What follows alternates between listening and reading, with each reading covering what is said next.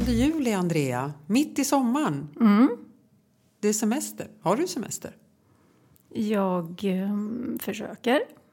Du är inte så bra på att ha semester ju. Nej, gud, jag får slita eh, för att ha semester. Eh, det är ju ett heltidsjobb i sig, kan man säga. Mm. Att försöka ha semester. Man tränar ihjäl sig. Ja. Men min fråga är, behöver vi verkligen semester? Nu har vi ju, det är ju väldigt många som har varit permitterade och lediga från första april. Vi har ju haft tre, fyra månaders semester redan. Behöver absolut inte semester. Fan, svenskarna behöver jobba. Svenskarna behöver jobba. Jag håller helt med. Det, är ju, alltså, det finns ju risk för att vi blir eh, trötta Lata. Ännu mera lata. Och bekväma. och ja, och eh, de här tendenserna till att liksom delegera ansvaret till någon annan som ska lösa vårt liv. Mm. Det kan ju bli liksom ännu starkare. Vi är ju lite oroliga för svenskarna, du och jag. Mm. Eller hur? Ja, men så är det nog. För vi tror att det här beteendet som vi har tvingats in i, det vill säga vara lediga med betalning, lyfter fram egenskaper hos oss som kanske inte alltid är så bra. Nej, jag hör, eh, jag hör ganska ofta att man tycker att det är svårt att få det man ska göra gjort. Mm. För att man eh, har svårt att hitta motivation till att liksom driva sig själv. Att det är det som är den största skillnaden. Eh, att jobba mycket hemifrån. Och att såklart vara permitterad. Men också det här att, att eh, det, det är lite input som kommer från liksom, dialog med, mellan kollegor. Och, och så, man, så att man måste driva sig själv hela tiden i att göra. Och då är det många som har upplevt sig bli lite handlingsförlamade och lite trötta. Mm. Alla har ju inte det drivet att driva sig själv utan många har ju behov av att ha en chef som talar om precis vad man ska göra och när och hur. Nu handlar det ju rätt mycket om att driva sig själv. Ja, men precis. Och sen det här med, med semester tänker jag också att när det har varit en kris under en period så är det många familjer som har gått och nött på varandra och blivit... Ja, men det, det, det är inte bara avspänt liksom. Nej. hemma och sen så ska en semester ta vid. på där. det och umgås ännu tajtare, ännu mera. Och sen är det väl också så på semester, man bygger upp förväntningar. Det ska vara så himla härligt och man ska vara tillsammans och spela spel och grillkvällar. Och det ska vara så harmoniskt och härligt allting. Är det så? Alltså är den förväntan så? Eller är det något har, man säger liksom? jag tror att vi har höga förväntningar. Mm. Man, bygger, man, man lägger mycket till, ja, men när, vi, när vi är lediga sen, då ska vi göra. Då har jag mer tid. Och hur många har inte nu då i några månader sysselsatt sig med eh, inreda, plantera buskar, Måla om huset. Ja, men exakt. Sånt som kanske man lägger lite tid på, på semestern till att göra. Och så har man gjort det nu under egentligen då arbetstid. Eh, och så kanske vi är lite mer begränsade nu med, vi är ju det med resor och sådär. Mm.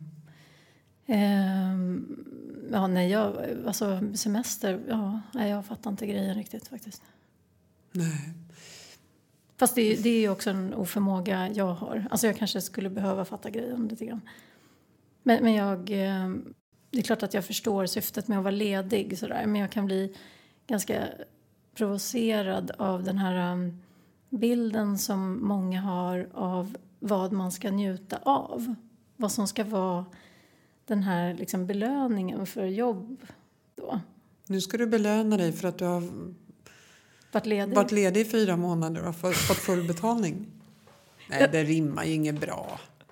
Nej, nej. Så det du säger är lite så här... Eh, på din semester då kan du sitta hemma och fila hur du ska bidra till Sveriges ekonomi i höst. Ja. Nej, men jag tycker att det är lite kaka på kaka. Så känner jag. Mm. Efter den här pandemin och permitteringen och allting.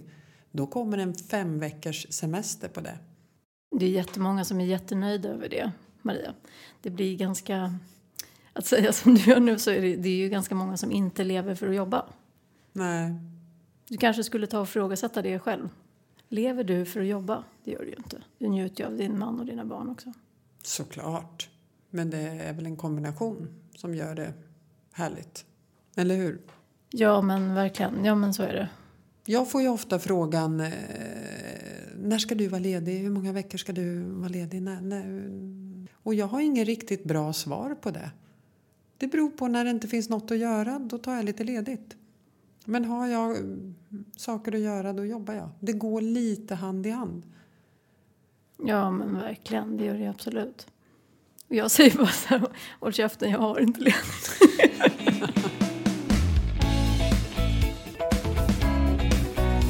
Men du säger ju, du, och jag har ju pratat mycket om det här med återhämtning och du säger ju att det är viktigt att återhämta sig.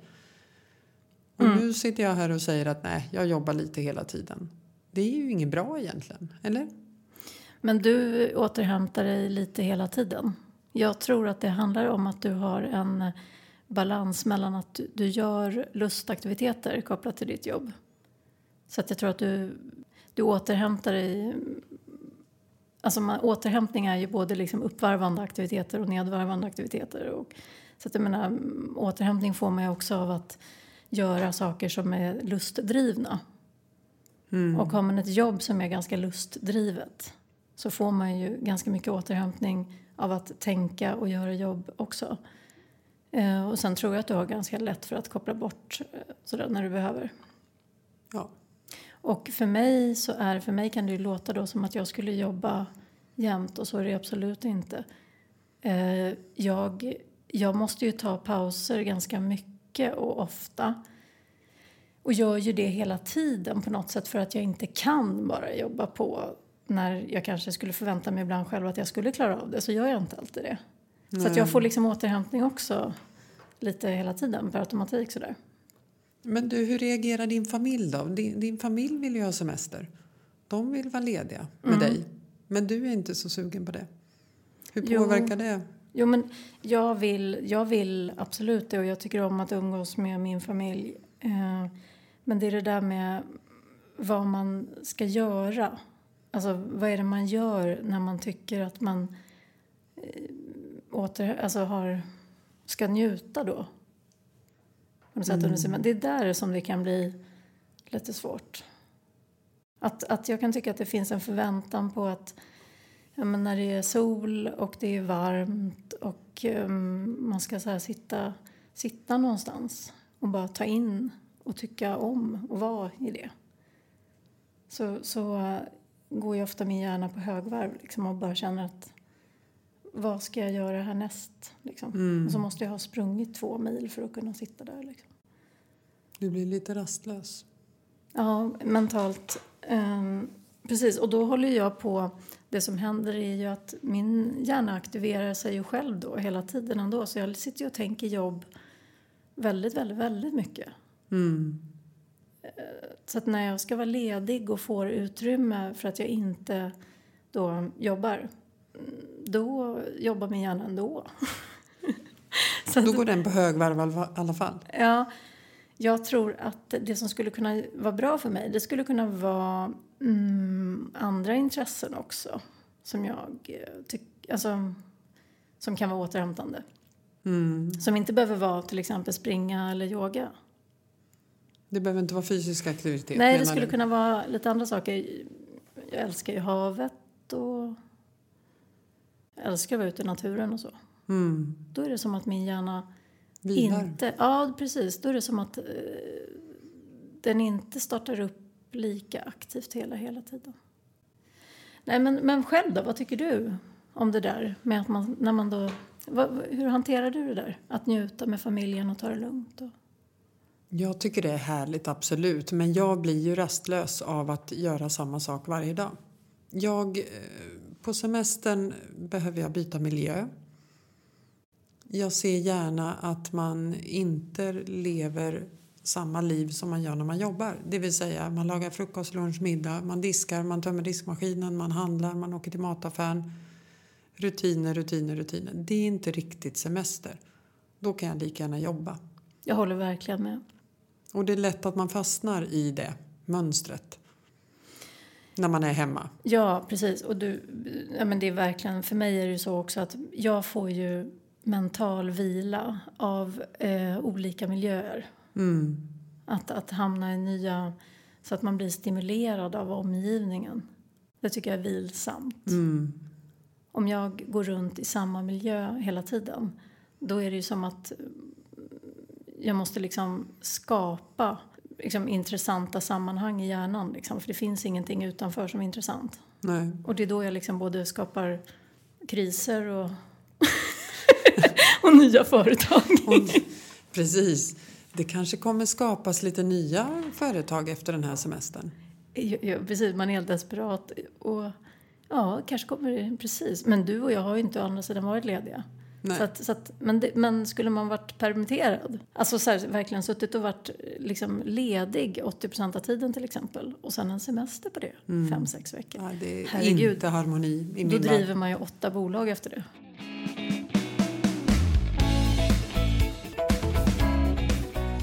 Jag tror inte att det är helt hälsosamt. Jag tror verkligen inte det. Faktiskt. Att vara ledig. Så mycket. Vi, kommer ner, vi pratade om det förra avsnittet, det här med lathet och bekvämlighet. Att vi kommer in i en lunk så till slut blir det jobbigt att ringa tre kunder. Ja, men, verkligen. Men jag tänker också att det hänger ihop med att vårt liv är så bekvämt. Alltså i övrigt. Att det är det som är, det är den kombinationen som blir förödande och som blir nästan destruktiv. Alltså, jag tänker till exempel, ja, men, säg att man har, man behöver inte amortera närmsta 18 månaderna heller. Nej. Det ställer ju krav på att du har koll på ekonomin och verkligen sätter undan pengar. Och det får man ju hoppas att man gör. Eh, Att det är syftet. Men i, har man inte karaktären så kan ju helt plötsligt man har fått bättre ekonomi På att göra mindre. på att göra ingenting. Typ. Så här, Man går runt och är ledig och eh, har mer pengar på kontot. Så att man liksom inreder Ja. till kväll och går runt och köper kläder. Och nu är det rea också så kan man lägga liksom hur mycket tid som helst på att springa i butiker och handla. Och snacka om eh, undvikande, tänker jag. Det tycker jag är det som är oroväckande. Att det blir liksom ett undvikande beteende. Vi kan belöna oss själva utan att vi har rätt att göra det på något sätt. För att vi är, fort, vi är ju faktiskt i en kris. Mm. Och då tänker jag kanske framför allt konsekvenser, i, liksom ekonomiska konsekvenser i samhället. Och så. Och den största konsekvensen, den har vi inte riktigt sett ännu. För den största konsekvensen kommer när det blir ännu mer uppsägningar. Och det är det vi tror kommer hända. Mm, precis. Eller hur? Det är det de varnar för. Att väldigt många av de som är permitterade, så fort det statliga stödet dras in, då kommer ju många bli uppsagda. Och då har vi ett annat problem. Ja, men precis. Och jag nämnde nu såna här lyxsaker som att inreda och springa och handla. Men eh, det jag egentligen tänker på är ju alla fruktansvärda sammanhang som blir av att det blir mer konflikter, det är mer alkohol Mm. inblandat. Våld i hemmet har man läst mycket om. Precis. Barn som far illa Mm. och de bitarna. Så att det var egentligen mer det jag menade med destruktivt. Men, men handla på kredit, kredit är också ganska destruktivt om du inte har något jobb om ett år.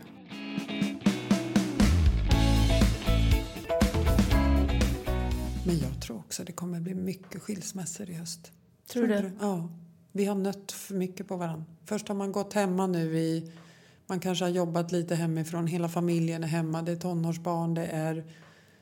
Man nöter och nöter och nöter. Och sen kommer den här semestern. Man har byggt upp förväntningar på att man ska göra massa roliga saker. Man får inte resa nu utanför landets gränser.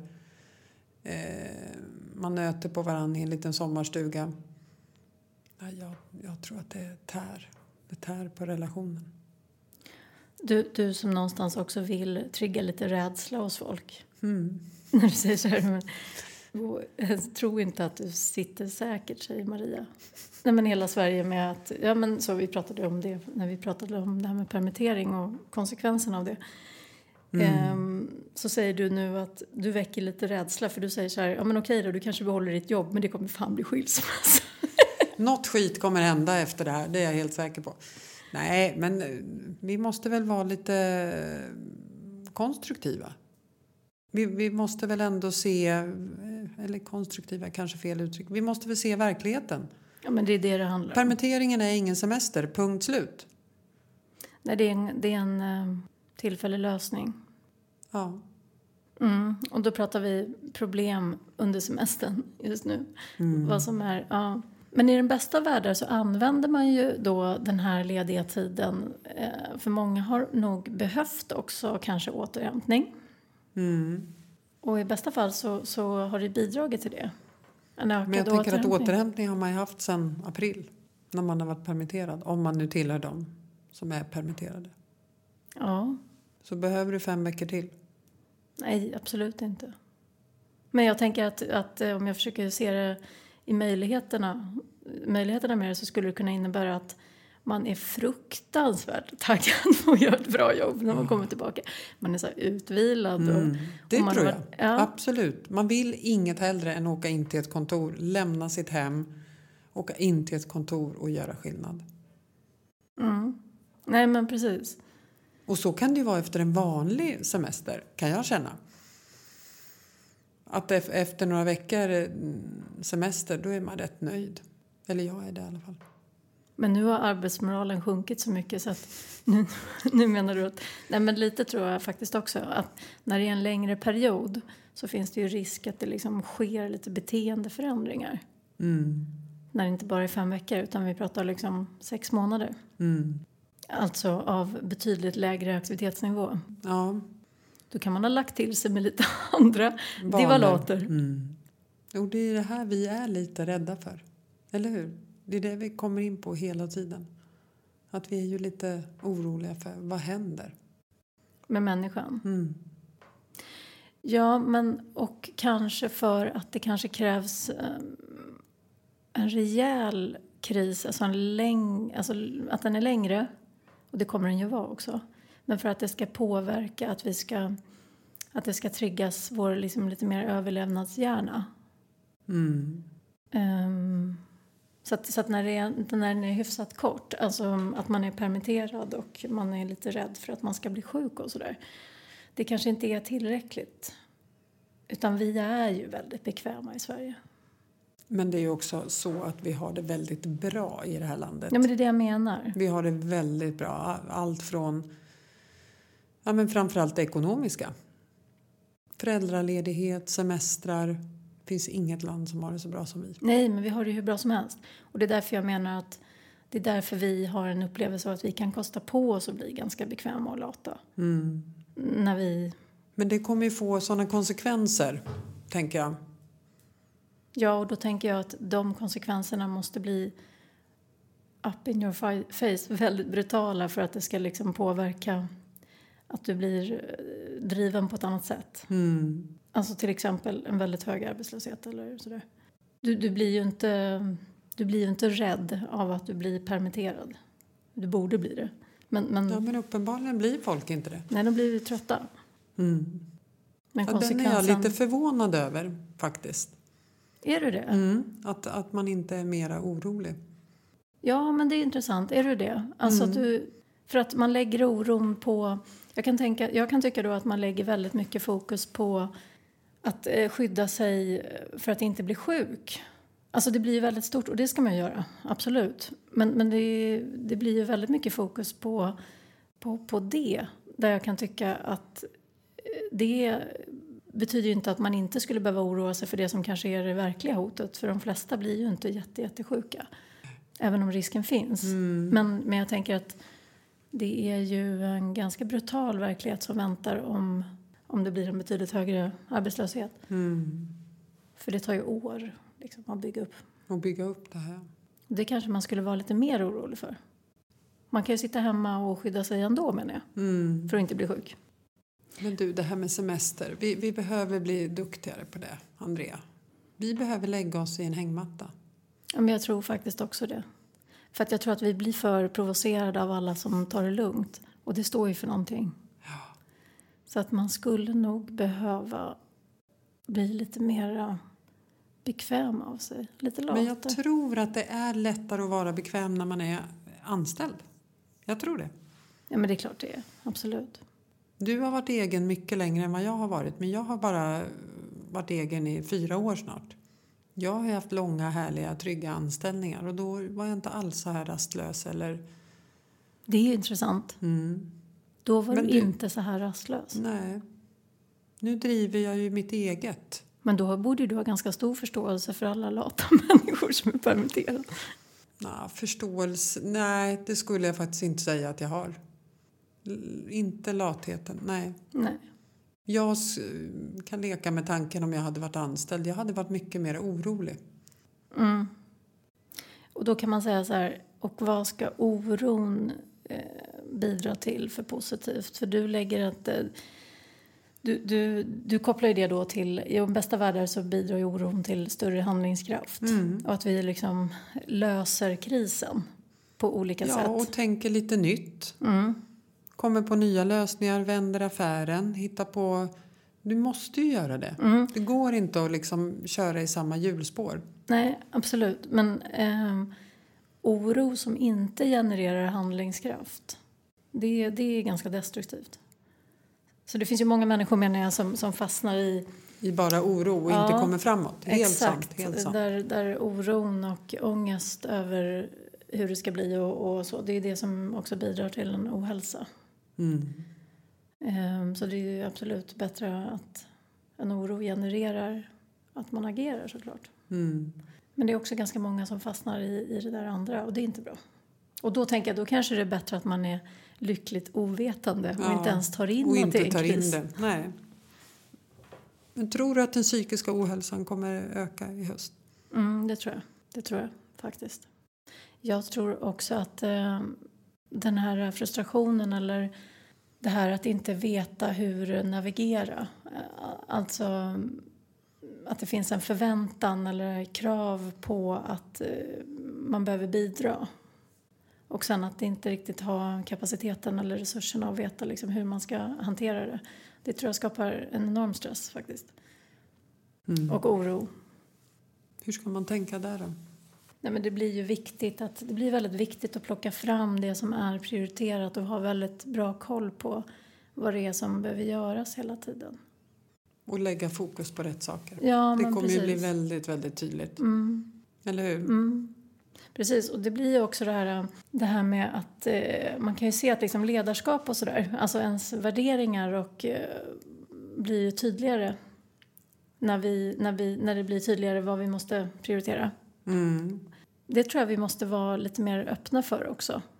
Att, eh, att vara tacksamma för att de starka ledare som, som kliver fram och, och visar vägen, om, om de gör det så får vi nog vara tacksamma för det. Och följa efter. Ja, för det, det tycker jag att man har blivit lite bortskämd eller vad man ska säga i Sverige. Alltså ledarskapet har ju blivit en omöjlig, omöjlig uppgift lite grann. Eh, och att det nästan har blivit fult att vara tydlig. Mm. Det För då ställs sig- mycket högre krav idag på en ledare. Ja, men precis. Men det är också så här att eh, tydlighet blir lite... Att då, man tolkar det som att man blir kränkt så fort någon talar om vad man ska göra. Mm. Och så. Men, men det kommer ju vara det som också räddar oss ur en, en, en ekonomisk kris Mm. på många sätt också. Så jag tror att man får som medarbetare får man nog vara tacksam för att någon driver. Om du inte har förmågan själv att vara handlingskraftig menar jag. Så får du nog vara tacksam över att någon annan är det. Mm. Olikheterna kanske också. Tänker jag med det.